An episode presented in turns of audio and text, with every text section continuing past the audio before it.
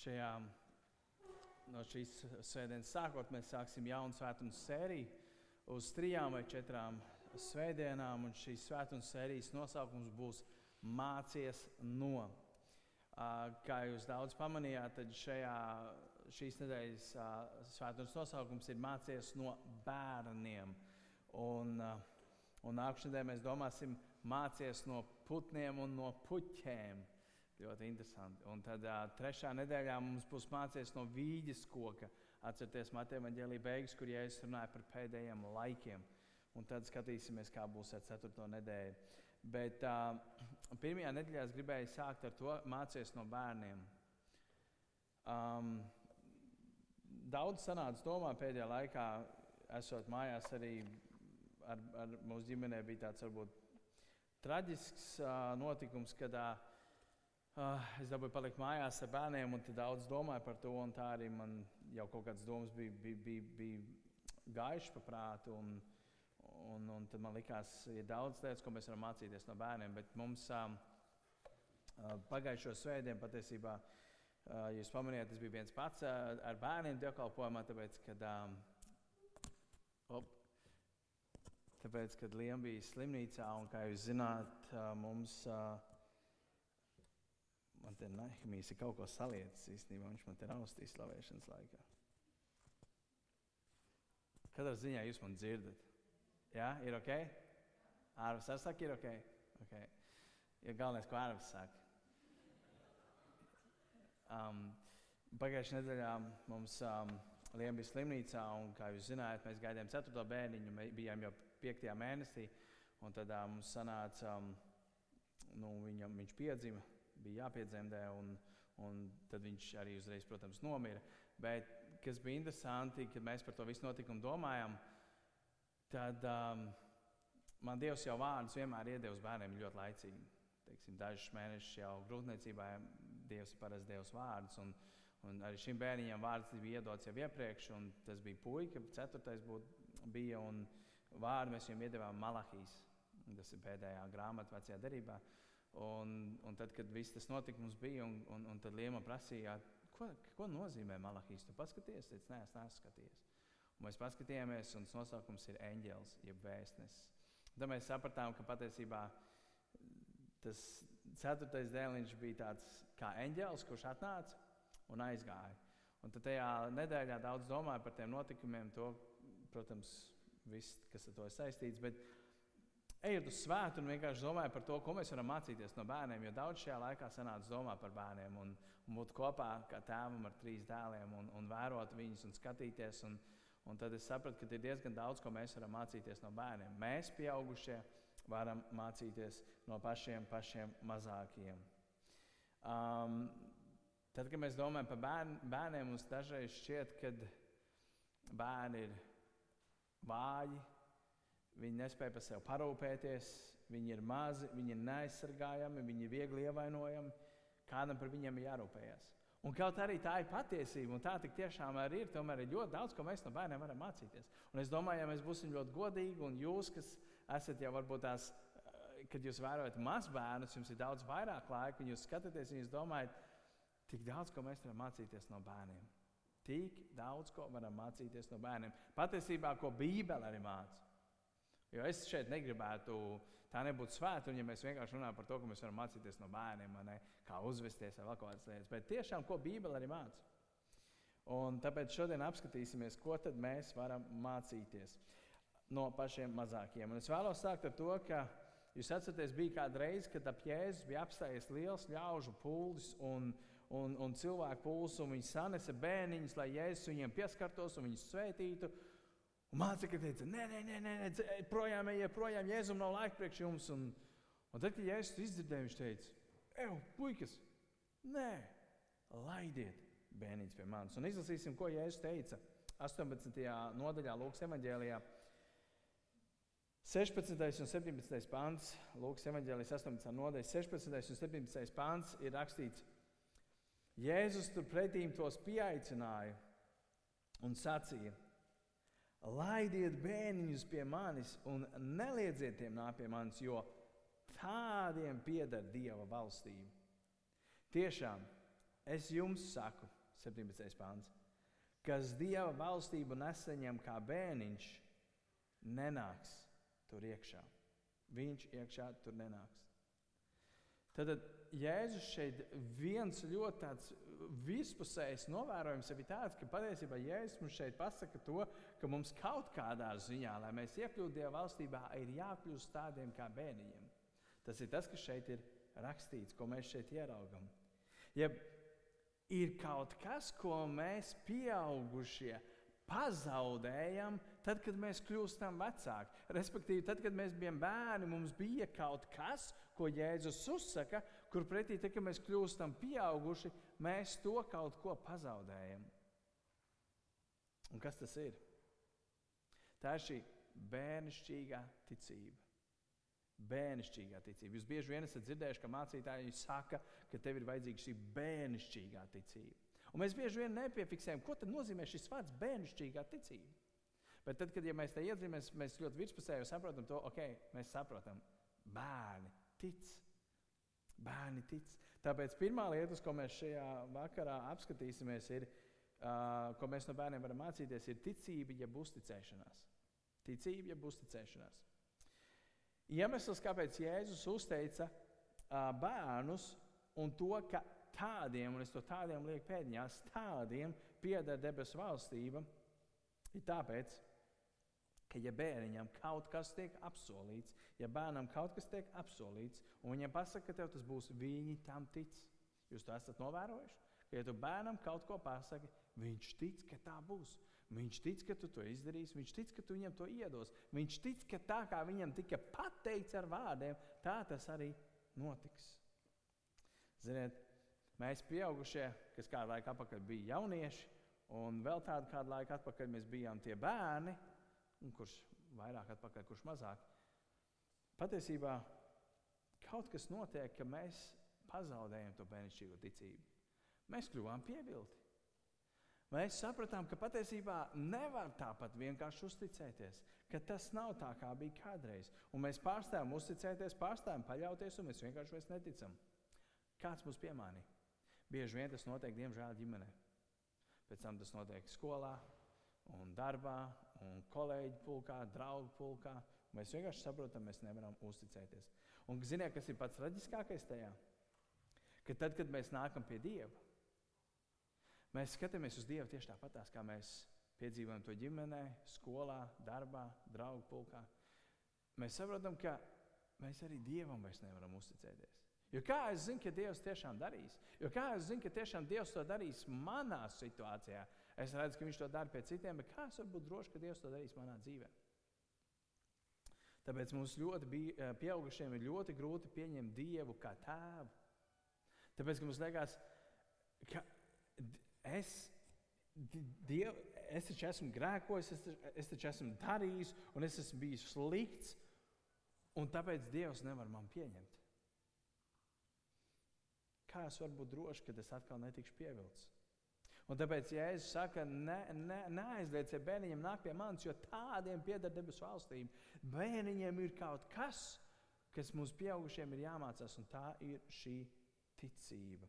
Un runa šeit iet par to, kā mēs varam mantot glābjošo ticību. Daudz cilvēku tic.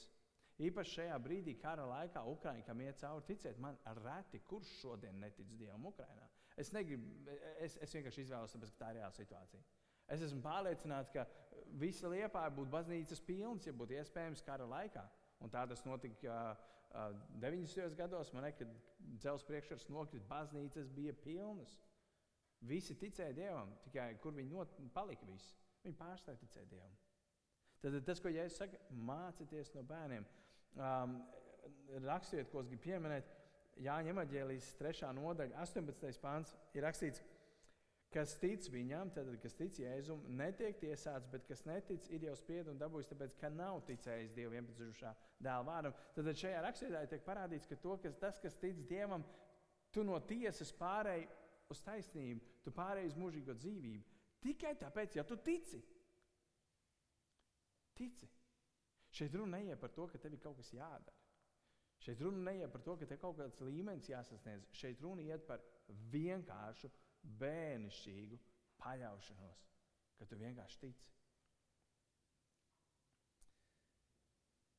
Ziniet, ja es pateikšu savam bērnam, vai tu pateiksi, piemēram, savam bērnam, hei, ejam lejā, mums tur svētdienas skolas telpā, klausies, klausies, klausies, te kaut ko pateikšu. Svētdienas skolas telpā ir super liels čupačups, atvests no Amerikas. Vienkārši nenormāli garšīgs čupačups. Skrienam lejā, saņemt viņu. Viņš reāli būtu pa priekšu, viņam netika līdzi. Bērns vienkārši ticētu, ka tur ir super liels čupačups.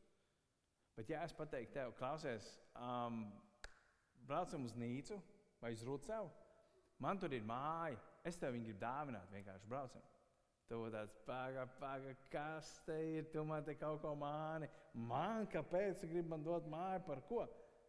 Lielākā daļa no mums pieaugušiem domās, tur kaut kas, pagaidi, Toms man grib dot māju par ko? Tu kaut ko.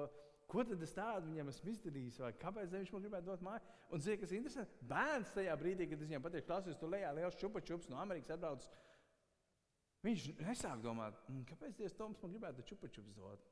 Viņš tā nedomātu. Viņš vienkārši ticētu tikai tāpēc, ka es viņam tā pateicu. Un kas ir ļoti interesanti, bērns spēja noticēt, un pieaugušais nespēja noticēt. Mēs varam no bērniem mācīties ticību. Vienkārši ticību. Un tāpēc, ja es saku, jo tādiem, un man iet patīk vārds, jo tādiem, kā bērniem,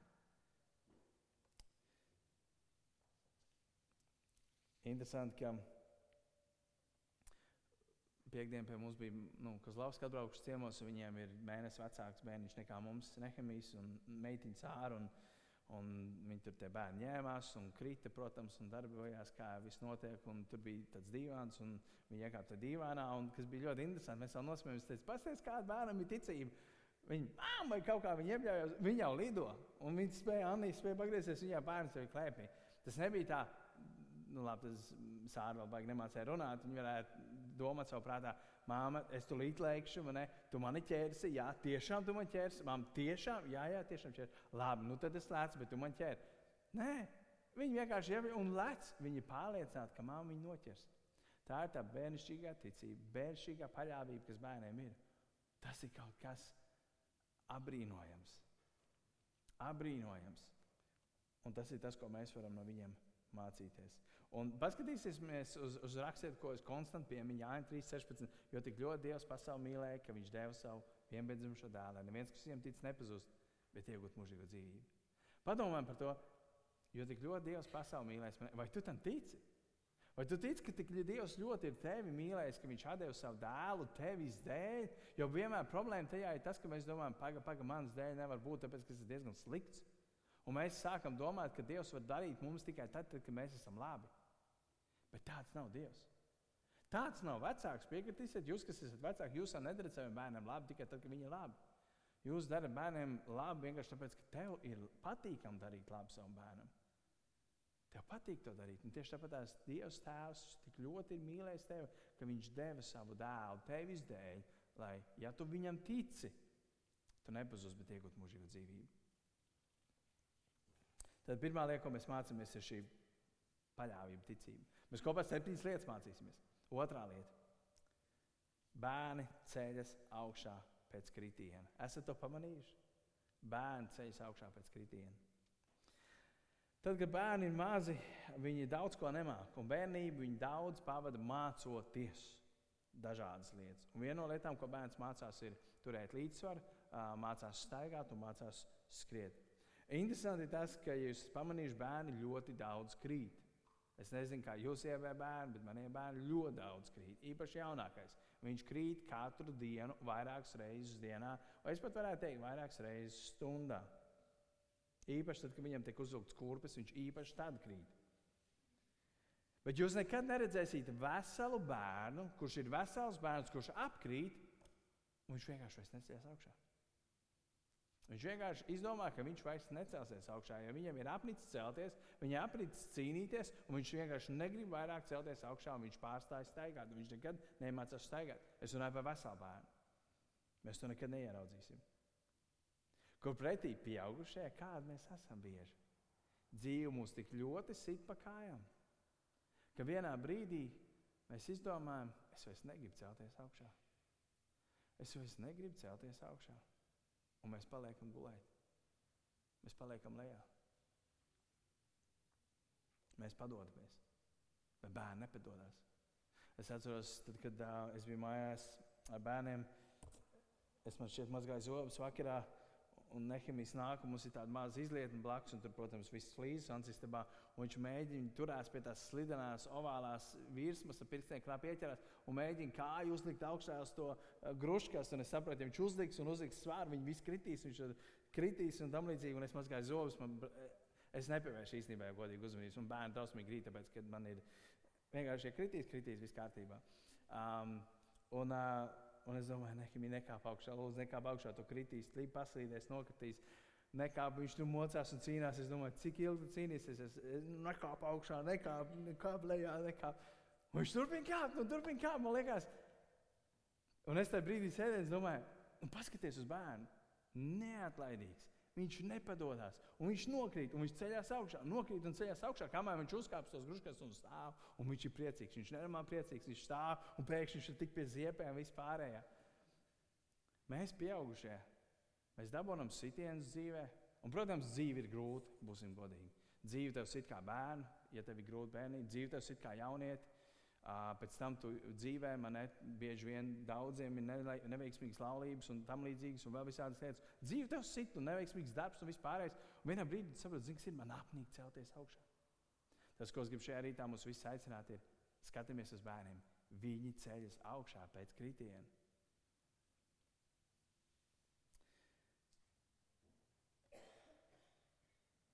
Ziniet, Kad mēs paliekam vecāki, mēs pazaudējam šo neatlaidību, kas piemīt bērniem.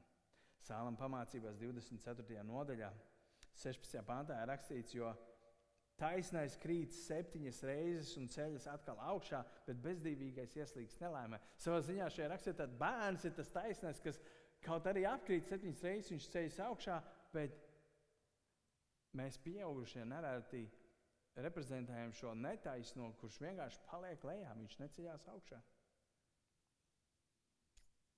Tāpēc es gribu aicināt kādus no jums šajā rītā mācīties no bērniem. Varbūt tās, ka konkrēti tavā dzīvē šobrīd tu tiec nenormāls sists. Tev ir sajūta, ka tu tiec bungāts no visām pusēm. Tev ir sajūta, ka visi tev sit, kā saka, futbolā pat noši, kas tev sit pa kājām un lai tu kristi ar zemi, bet tu turpini celties augšā. Tu turpini celties augšā. Tad, kad tu esi lejā, varbūt tās šajā brīdī tava sezona, kurā tu atrodies, ir ļoti smaga. Atkal es tev gribu atgādināt, skaties uz bērniem. Jo skaties, mēs apskatīsimies uz septiņām lietām. Varbūt tās tev ir svarīga šī ticība, kas ir bērniem. Bet varbūt tas kādam no jums tieši būs svarīgs šis moments, kur bērns ceļās augšā pēc kritiena.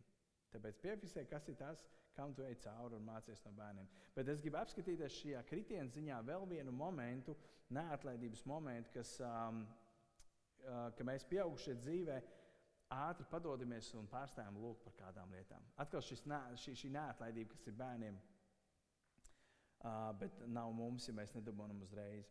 Jūs esat pamanījuši to, ka bērni var dažreiz stundām lūgties tev, ka viņi kaut ko grib. Stundām. Liekas, kā tev neapnīgi, es jau sen aizmirsu, un viņš atcerās. Un viņš nāk šodien atcerās, liekas, kur te var būt tā neatlaidīga, ka viņš visu laiku un, un, ziksiet, un neaizmirst. Tas ir liekas, pačīkstēs un aizmirsīs. Neaizmirst. Un, Un ziniet, kas notiek? Mēs kā vecāki nereti uzklausām tikai tāpēc, ka, ai, labi ir. Vai ne? Ai, labi ir. Mīļā, mīļā, mīļā labā, lai būtu. Un tāpēc gribētu, mēs apskatīsimies kādu stāstu, uh, ko Jēzus mēs, mēs varam mācīties no šī Lūkas evanģēlijas 18. nodaļa. Mēs izlasīsim pirmos septiņus pāntus. Tad Lūkas evanģēlijas 18. nodaļa. Te ir rakstīts, Vēl viņš tiem stāstīja līdzību par to, tad viņš stāsta līdzību par to, ka tiem aizvien būs lūgt dievu un nebūs pagurt. Esat aizmiguši kādreiz dievu lūdzot vakarā? es domāju, mums visiem tas izdevies. Uh, bet cik no mums esam lūguši par ļoti svarīgu lietu? Liekas, mēs sākam lūgt, un mums liekas, es esmu gatavs lūgt Dievu, un pēc trīs dienām tu vienkārši, ah, labi, Dievs vārdsiem redzot, negribu dot. Mēs padodamies pēc trīs dienām. Tad Jēzus stāsta līdzi par to, ka mums aizvien būs Dieva lūgt un nebūs pagūt. Kādā pilsētā dzīvoja tiesnesis, kas Dievu nebijās un no cilvēkiem nekaunējās. Bet tajā pašā pilsētā bija kāda atraitne. Tā nāca pie viņa un sacīja: Izlem manu lietu, pret manu pretinieku. Bet tas ilgu laiku negribēja. Bet, kad viņš sāk spriest sevi, hm, lai gan es dievu nebīstos, no cilvēkiem nekaunos, tomēr, lai viņa mani nemocītu, es gribu viņas lietu izlemt. Citādi viņa vēl beigās nāks un man sitīs vaigā. Un tas kungs sacīja, tad Jēzus saka, jūs dzirdējāt, ko netaisnēs tiesas saka? Un lai Dievs nedotu tiesu saviem izredzētiem, kas dienu un naktu, nakti viņu piesauc, kaut gan viņš vilcinās. Jēzus šajā līdzībā mums parāda to, ka Jēzus, ka Dievs uzklausīs tavu lūgšanu. Viņš uzklausīs tavu lūgšanu, viņš pat grib uzklausīt, bet tas, kas no mūsu puses tiek prasīts, bet es neatlaidīgs. Es neatlaidīgs. Mācieties no bērniem. Ja viņš kaut ko grib, mamma, mamma, mamma, mamma, mamma, mamma, mamma. labi, Man, hei, jūs zināt, kā tas darbojas. Un savā ziņā interesanti, liekas, kāpēc Dievam ir tāpatās jādara. Bet varbūt tas Dievs grib redzēt, cik ļoti mēs ticam, cik, cik spēcīgi mēs esam, cik gatavi nepadoties mēs esam. Un, ziniet, bērni lūdz, bērni neatlaidīgi, bet, kad bērns paliek vecāks, viņš kļūst mazāk neatlaidīgs. Un tad, kad viņš kļūst par pieaugušo, viņš, viņ, viņam vairs nepiemīt šī īpašība, viņš ir padevies. Viņš ir sapratis, nav jēga. Un es piekritīšu, ka daudz kur nav jēga dzīvē, bet tad, kad mēs nonākam pie Dieva, ir jēga. Mums ir tikai jābūt neatlaidīgiem. Varbūt tas tu šajā brīdī ej cauri kādam grūtam brīdim, varbūt tas tu kaut ko lūdz no Dieva. Un tev šķiet, ka Dievs tev nedzird, un tev šķiet, ka Dievs tev neatbild. Tas, uz ko es tev gribu aicināt šajā rītā, mācies no bērniem, mācies no tās līdzības, ko Jēzus teica. Viņš atbildēs. Tev jābūt tikai neatlaidīgam. Patur to prātā.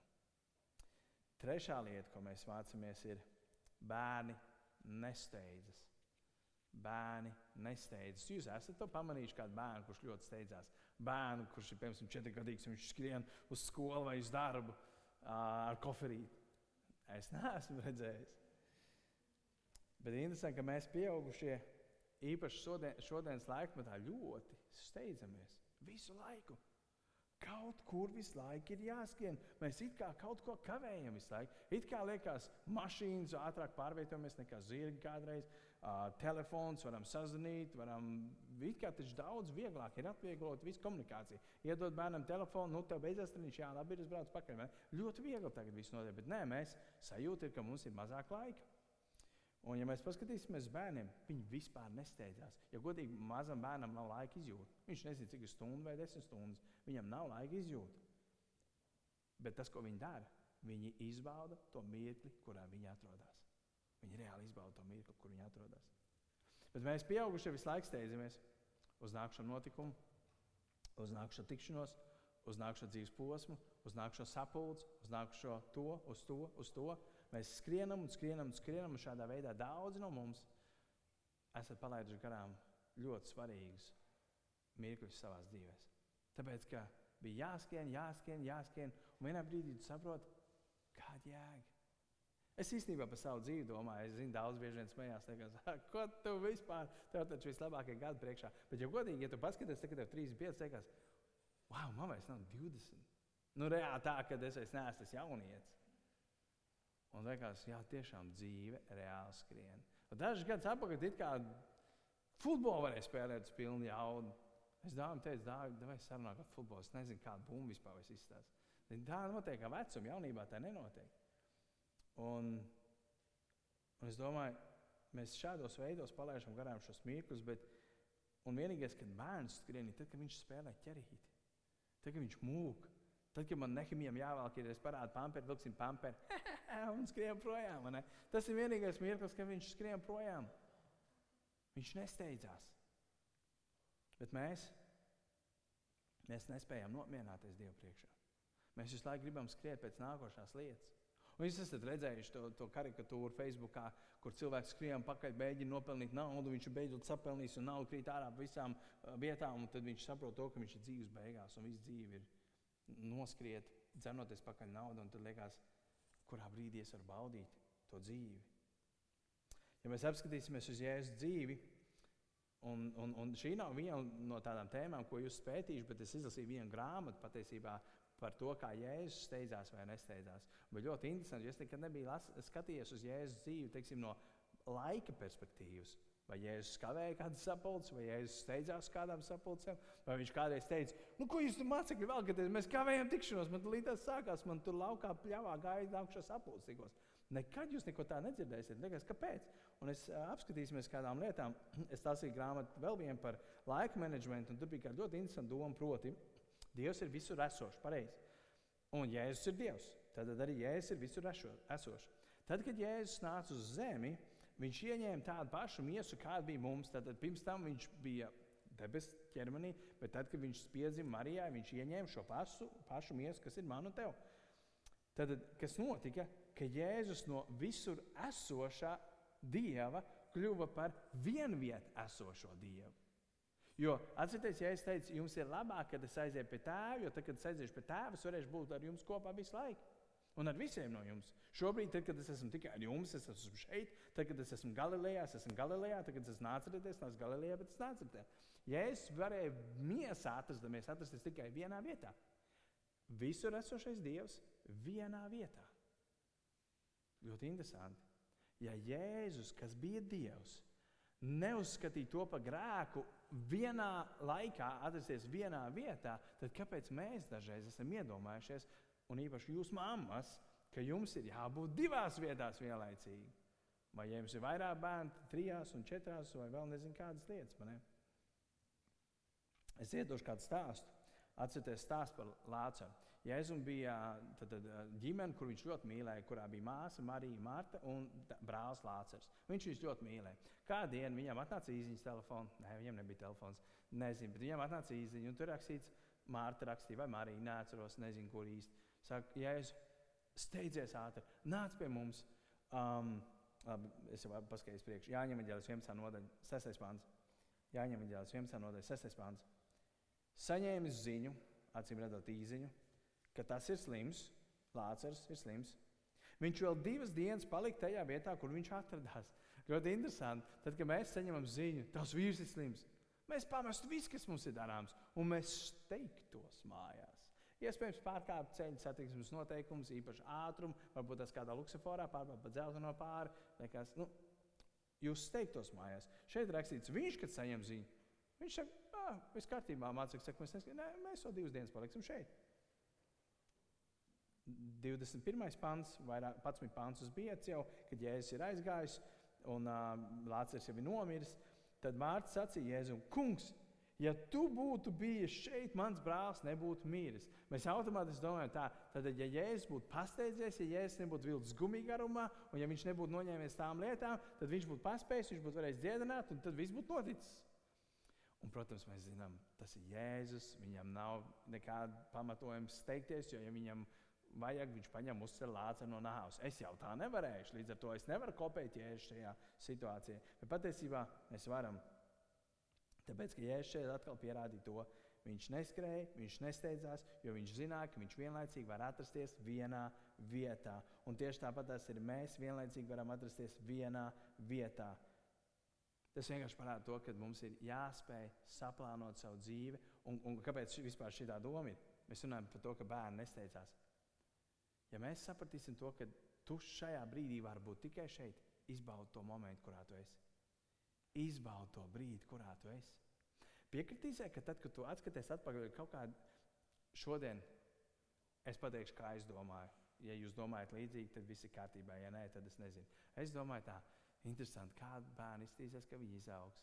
Vai interesanti, kas būs vat, vasaras beigās? Būs tas karš sācies, nebūs tas karš sācies. Gribu viņi saprast, ko man darīt un tam līdzīgi. Un tu domā visu laiku ar domu, kā būs, kā būs.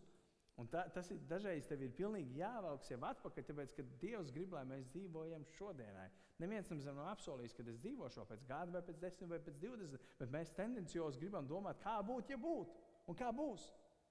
Es atceros, ka mēs tikko pārvācāmies uz īriju, uz Latviju, un, un, un, un tā dzīve bija diezgan nestabila es toreiz vienmēr domāju, kā būs pēc diviem gadiem. Tad jau viss būs tas nomierinājums. Tad, kad mēs nodibinājām centru daudz, mēs bijām galīgi maziņi. Un, um, man liekas, diez, kā būs pēc diviem gadiem, kā būs pēc gada. Un tu visu laiku domā, domā, domā, kā būs, kā būs, kā būs. Un tu nespēji baudīt to mirkli. Arī šajā brīdī man liekas, ok, super, kā būs, ja mēs varētu to izdarīt, kā būs, ja mēs tiksim pie savām telpām, un kā būs, ja mēs varēsim darīt kaut kādas lietas. Un tad es sapratu īstenībā, bet ir taču labi atrasties šajā mirklī. Jo tad, kad es tagad skatos atpakaļ uz kaut kādiem brīžiem, uz kaut kādiem momentiem, tad, kad tu domā, pats toreiz bija tik labi īstenībā. Tev tajā brīdī likās, ka bija slikti, bet tagad, skatoties atpakaļ, domā, ir, tas bija īstenībā baigi labi. Tas bija tas, kas tev veidoja. Tas bija tas, kas kaut ko darīja tavā dzīvē. Un šeit mums ir jāmācās no bērniem šī nesteidzība, ka mēs nesteidzamies. Ziniet, apkārt skandina kārus, kā ar daudzināšanu. Un daudziem no mums iekšā rodas, ok, man ir kaut kas jāpaspēj izdarīt, un tam līdzīgi grib skriet, apelnīt, nodrošināt, un vēl kaut kādas lietas. Bet mēs aizmirstam baudīt to mirkli, kurā mēs atrodamies. Līdz ar to tas, ko es gribu, ja tu šajā uh, dienā atrodies šeit, klātienē, apsēdies, iesēdies ērti un izbaudi. Ja tu skaties mājās, divānā, izbaudi. Vakariņas paspēsiet pāriest, uh, uztaisīsiet. Viss būs kā jūs paspēsiet. Vienkārši reāli izbaudiet to mirkli, kurā mēs atrodamies. Izbaudam to, ka vienkārši nu, ir reāls skaists laiks, pareizi, brīnišķīgs laiks. Vienkārši izbaudam šo pavasari, kas ir. Izbaudam šo mirkli. Nedomājam par to, kā būs, ka būs vasara, varēs iet uz jūru, kaut ko vienkārši izbaudām to mirkli. Mācāmies no bērniem izbaudīt to mirkli, kurā mēs esam. Okay. Ceturtā lieta. Bērni priecājas par mazajām lietām. Piekritīsiet, bērni priecājas par mazām lietām. Par pašu mazumiņu. Savukārt mēs, pieaugušie, nereti neesam apmierināti ar to, kas mums ir. Mums ir ļoti daudz. Un es domāju, ka Ukraiņas cilvēki šobrīd saprot, ka patiesībā Viņiem šķita, ka viņiem bija maz, bet tagad, kad viņiem nav gandrīz nekas, viņi saprot, ka viņi bija patiesībā ļoti bagāti. Kaut vai tas fakts, vien, ka tev ir tavs jumts virs galvas, ka tev ir tava gulta. Jūs daudz esat redzējuši, kur šobrīd Ukraiņa guļ.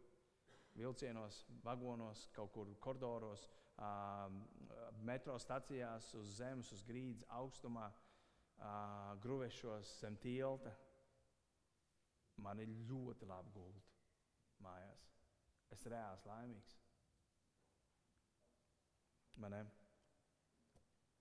Mums ir jāmācās no bērniem priecāties par katru mazo lietiņu, ka mēs, ka, ka, ka, ka, ka, ka mēs, ka jūs, mēs varam izbraukt uz skuldīgu, mēs varam aizbraukt uz klaipēdu, mēs varam kopā pavadīt laiku, kad uh, mums ir ēdiens, ka mums ir apģērbs, ka mums ir pajumti, ka laukā vienkārši spīd saulīt un ka vakarā mēs varam vienkārši apgulties, kad esam piekusuši un pateikt, ah, šī bija smaga diena forši. Tu paņem, ietinies tajā sagās un vienkārši aizmiedz. No rīta motētājs zvan, tu pamodies, kā darbs un tam līdzīgi. Patiesībā tas ir tas, ko Ukrāņi tagad atcerās ar kaut ko. Reiz bija laiks, kad no rīta zvanīja monētājs, tu vari iet uz darbu. Vai tu vari priecāties un pateicīgs būt, ka tu esi salīdzinoši vesels, ka tu dzīvo Lietpājā, vai Dārgopilī, vai citā pilsētā, kur tu šajā brīdī klausies. Um, ka tev ir savs telefons, ka tu esi izgājis dzīves cauri pandēmijai, cik es zinu, neviens mironis šeit nesēž. Uh, ka tu vari būt draudzē, ka tev ir mašīna, ka tev ir botes, ar kurām tu vari iet skriet, ka tev ir tavs velosipēds. Vai vienalga, katra mazā lietiņa, kas tev ir, par kuru tu priecājies, par kuru tu pasakies. Varbūt tev ir super labas zeķes, kuras tu atradi. Un liekas, wow, vislabākās zeķes, kādas atradi, cik kāds sīkums. Bet, ja tu esi pateicīgs par to, vienkārši pasaki Dievam, reāli paldies par to. Sīkums! Jūs esat pamanījuši, ka bērnam dažreiz es savam mazam bērnam ar korķi pacelt no kaut kurienes, viņš vienkārši nenormāli laimīgs. Liekas, man nevajag neko daudz, lai novērstu divgadīgam bērnam vai kādu vecam bērnam uzmanību. Viņš ir priecīgs par mazumiņu. Un mums ir jāmācās no maziem bērniem priecāties par to mazumiņu, ko Dievs mums ļauj šodien baudīt. Piektā lieta, ko mēs varam mācīties no bērniem, ir piedot. Bērni māca mums piedot. Un, ziniet, daudz no jums esat tur, iespējams pat turat vēl šodien, bet esat turējuši nepiedošanu pat gadiem ilgi. Varbūt šobrīd tu to joprojām dari. Bet, ja mēs apskatīsimies bērniem, cik ātri viņi piedod, jums ir sanācis kādreiz ar elku griezties un uzsist pa galvu viņam, vai kāp atmuguriski un uzkāpt uz kāju virsmu. Un, oh, piedod, piedod, piedod, piedod, viņš raud, viņa apķer. Un, viņš priecājās. Viņš tev piedeva. Viņš piedeva uz sitienu, šitā pat vien. Tu viņam izdarīji ļoti sāpīgi, bet viņš tev piedeva. A mēs? Es tev nepiedošu tagad. Mēs turam rūkumu. Atcerieties, ko Jēzus teica. Piedodiet, jo jūs, debes Tēvs, jums ir piedevis. Un viņš teica, ja jūs nepiedosiet, tad arī jums netiks piedots. Patiesībā mēs domājam, man ir tiesības nepiedot, bet patiesībā tev nav tiesības nepiedot. Tev vienīgā tiesība, kas ir dota, ir piedot tūlīt pat. Jo viņš teica, ja jūs nepiedosiet, jums nepiedos. Ja tu gribi saņemt atdošanu, un visi cilvēki grib saņemt atdošanu, tad patiesībā tavs pienākums un tava vienīgā tiesība ir piedot. Un nepiedošana ir viens no lielākajiem grēkiem, kāds Bībelē patiesībā ir pierakstīts. Nepiedošana šķeļ cilvēkus, pat vistuvākos cilvēkus. Tādā veidā, ka viņi var dzīvot gadiem ilgi, absolūti kā sveši cilvēki. Bet, ja mēs paskatīsimies bērniem, viņi momentā piedod. Viņi nepiemīl ļaunu. Bērns nekad tev neteiks, māma, bet atceries, tu man gada atpakaļ uzkāps kāju. Nekad. Nekad. Tāpēc mācīsimies no bērniem piedot. Sestā lieta, un ļoti svarīga lieta, bērni ir zi zinātnākāri, jeb zinkārīgi. Bet zinātnākāri vairāk grib uzsvērt šo. Ja mēs apskatīsimies bērniem, viņi ir zinātnākāri. Viņi grib izzināt pasauli, kurā viņi ir nonākuši. Problēma ar mums, pieaugušiem, ir tajā brīdī, kad mēs pārstājam izzināt pasauli. Mēs pārstājam uzdot jautājumus. Mēs pārstājam izzināt to, kur mēs atrodamies. Mēs pazaudējam interesi par lietām, mēs pazaudējam zinkāru un pārstājam to, ka mēs meklējam iepazīt jaunas lietas. Es kādu dienu gāju Nehemijā. Tā bija patiesībā pirmā diena, tā bija kā divi mēneši atpakaļ. Pirmā reize viņa gāja uz veikalu. Mēs tur dzīvojam, tur ir tāds mazs veikaliņš, nezinu, kaut kāds latiņš vai kas tur blakus ir. Es domāju, labi, es aiziešu, mums vajadzēja nopirkt šķiet krējumu. Es saģēru nehemiju. Un viņš nevienmēr priecīgs, jo līdz šim viņš bija redzējis, kā visi citi iepa durvīm ārā. Es viņam uzvilku kurpes, uzvilku pufēku, un mēs gājām uz ielu. Es viņu paņēmu pie rokas, un man bija jāpieliecās, un viņš tur, un vienkārši tas bija tik skaisti. Mēs gājām, mums pabrauc fūru garām, un viņš noskatās tajā mašīnā un skatās. Un, un, un, un paldies Dievam, ka man tajā brīdī nostrādāja. Man bija tāds, nu, iesim, ko mēs stāvēsim, bet tā, nē, nē, tu pagaidi. Un es, pagaidu, un es, domāju, es vienkārši skatījos uz viņu, un es centos saprast, kas notiek viņa prātā. Pabrauc vēl vienu mašīnu, viņš atkal pagriežās un noskatās. Un viņš paiet divus soļus, viņš ieraudzīja sniega čūpu, tur bija bijis viņa sniega čūpa. Nu, es viņam tur neļāvu kāpt iekšā, tad mēs gājām tālāk. Un atkal mašīna pabrauc, viņš noskatās. Un es vienkārši brīnījos, un es domāju, Viņš izzina pasauli. Liekas, tas nav nekas. Tā ir tikai mašīna, pabrauc garām. Bet ziniet, kas notiek? Cilvēks nomirst nevis tad, kad viņš ir vecs, bet tad, kad viņš pārstāja mācīties, tad, kad viņš pārstāja izzināt pasauli, kurā viņš atrodas. Ir tik daudz lietas, ko mēs pieaugušie esam pārstājuši izzināt. Pasauli, kurā mēs atrodamies. Es kādu dienu uzdevu Facebookā jautājumu, noteikti daudz no jums esat redzējuši, ko tu mēģinātu paveikt, ja tu zinātu, ka tev tas izdosies, ka tu nekļūdīsies. Un patiesībā es zinu, ka tas jautājums ļoti grūts, jo mēs esam pārstājuši domāt šādā kategorijā.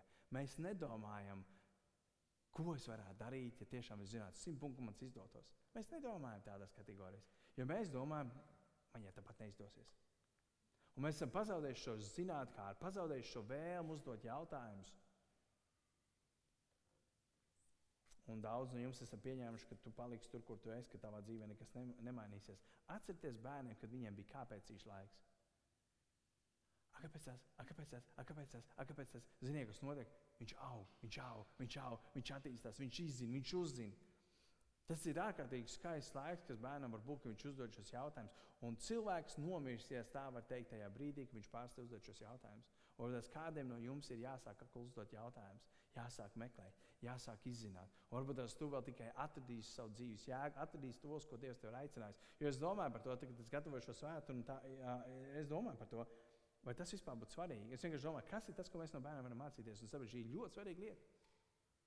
Daudz mēs esam palikuši tur, kur Dievs nav nemaz mūsu vēlējis, lai mēs tur paliekam. Un varbūt tas tev ir jāsāk atkal atgūt šo zinātnākāri par pasauli. Es lasīju tikko grāmatu par to, un tur bija vesela nodaļa veltīta tam, kad, par zinātnākāru. Un es arī tā sāku domāt, domāju, jā, patiesībā tā ir. Dzīve ir viens mēģinājums. Viens. Un ir ļoti svarīgi, kā mēs viņu nodzīvosim. Tajā dzīvē, kas mums ir dota. Un pēdējā lieta, ko es gribu, ka mēs šajā vakar apskatāmies, ir bērniem ir pareiza attieksme pret dzīvi. Bērni vienkārši bauda dzīvi. Viņi priecās, kad viņi ir priecīgi, viņi raud, kad viņi ir bēdīgi, viņi skrien, lēc, priecās, dzīvo. Un vakarā, tad, kad viņi ieiet gultā, viņi ir nomierinājušies, viņi aiztaisa acis, un viņi pēc minūtes guļ dziļā miegā. Un tu brīnies, kādā veidā tas ir iespējams. Jo tad, kad tu ienāc gultā, tu, tur var gulēt stundu, divas un dažreiz trīs. Un tev sitās simt un viena doma, un tavs bērns jau trīs stundas guļ. Un domā, kādā veidā, kāds ir iespējams. 46. psalmā, 11. pantā ir rakstīts, rimstieties un atzīstiet, ka es esmu Dievs. Mums ir jāmācās norimties un atzīt, ka Dievs ir Dievs. Un, ja mēs to spēsim, mēs spēsim baudīt šo dzīvi tieši tāpat kā bērni bauda šo dzīvi. Viņi vienkārši bauda. Pēdējā gadījumā mēs traucamies šai dzīvē cauri milzīgā ātrumā, un pašiem nemanot, mēs nonākam dzīves beigās. Mēs, mēs vienīgais, ko mēs varam izdarīt, mēs varam atzīt kopā ar Sālamu, ka viss tas, kas bija, tā bija akniecība, akniecība. Vai kā Sāmans vēl teica, tā viss ir vēja ķeršana. Tu saproti, ka kāda tam jēga bija. Tāpēc mēs varam teikt kopā ar Sālamanu, viņš teica, ka laimīgs ir tas, kurš var ēst un dzert, un ik pa laikam arī baudīt dzīvi un priecāties. Ja godīgi tādi ir. Mēs apskaužam tos cilvēkus, kuriem var būt priecīgi, kuri ir pozitīvi, kur vienkārši priecājas, viņiem ir labi ar to, kas ir. Mums ir reāli jāmācās tas. Mēs to redzam bērnos. Bērnam nav vajadzīgs dārgākais iPhone. Patiesībā tas viņu pat atslēdz. Iedod viņu, palaid viņu pa mežu, palaid viņu pa pļauju, palaid, palaid viņu kaut kur, kur ir daba. Viņš vienkārši atdzīvosies, viņš būs laimīgs, viņš būs priecīgs. Un tieši tas pats ir vajadzīgs mums. Norimties un atzīt, ka Dievs ir Dievs.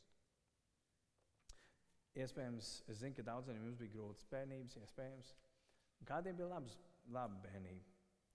Bet es gribu, un, un es domāju, ka jūs man piekritīsiet, ka daudzi pat gribētu, un e, mēs ar vienu esam par to kādreiz runājuši, par to, būtu labi atgriezties bērnībā. Nu, kaut kādā ziņā tu domā, jo kas piemīt bērnībai? Tur piemīt vienkāršība, tur piemīt uh, ziņkāre, tur piemīt prieks par vienkāršām lietām, par mazām lietām. Tur bija šī bezrūpība. Tu vari vienkārši būt. Pilnīgi uzticēšanās, pozitīvisms, tu biji laimīgs man ne tad, kad bija labi. Līdz ar to bērnu mums parāda to, kā mums būtu jādzīvo šī dzīve. Un tas, uz ko mēs šajā pēcpusdienā apskatījāmies, ir šīs septiņas lietas. Bērniem ir pareiza attieksme pret dzīvi, bērni ir zinātnēkāri, Bērni māca mums piedot, bērni priecājas par mazām lietām, bērni nesteidzas, bērni māca celties augšā pēc kritiena, un bērni mums māca ticību, uzticēšanos. Es nezinu, kas tas bija šodien priekš tevis, bet es ticu, ka kādu no šīm septiņām lietām tu par sevi varēji padomāt un pateikt, zini, jā, patiesībā man tā lieta pietrūkst. Man tā lieta būtu vajadzīga. Un tas, ko mēs vienmēr varam darīt, tas labākais saistībā ar Dievu, tas ir Un šeit atkal mēs atgriežamies pie tās uzticības, vai mēs ticam, ka tā ir. Ja mēs atzīstamies Dievam un mēs sakam, Dievs, piedod man, piedod, ka es esmu darījis to vai neesmu darījis to, Dievs, piedod, ka es esmu bijis tāds vai šāds, mēs varam nest to Dievu priekšā. Un Dievs ir uzticams un taisnīgs, un Viņš piedod. Viņš dod otrās iespējas, ko mēs skatījāmies pagājušo reizi. Viņš dod desmito iespēju. Viņš ir gatavs atjaunot, viņš ir gatavs atkal mums dot jaunu iespēju. Līdz ar to es nezinu, kas tas bija tev šajā rītā, vakarā. Bet uh, es ticu, ka kāda no šīm lietām varēja būt tev.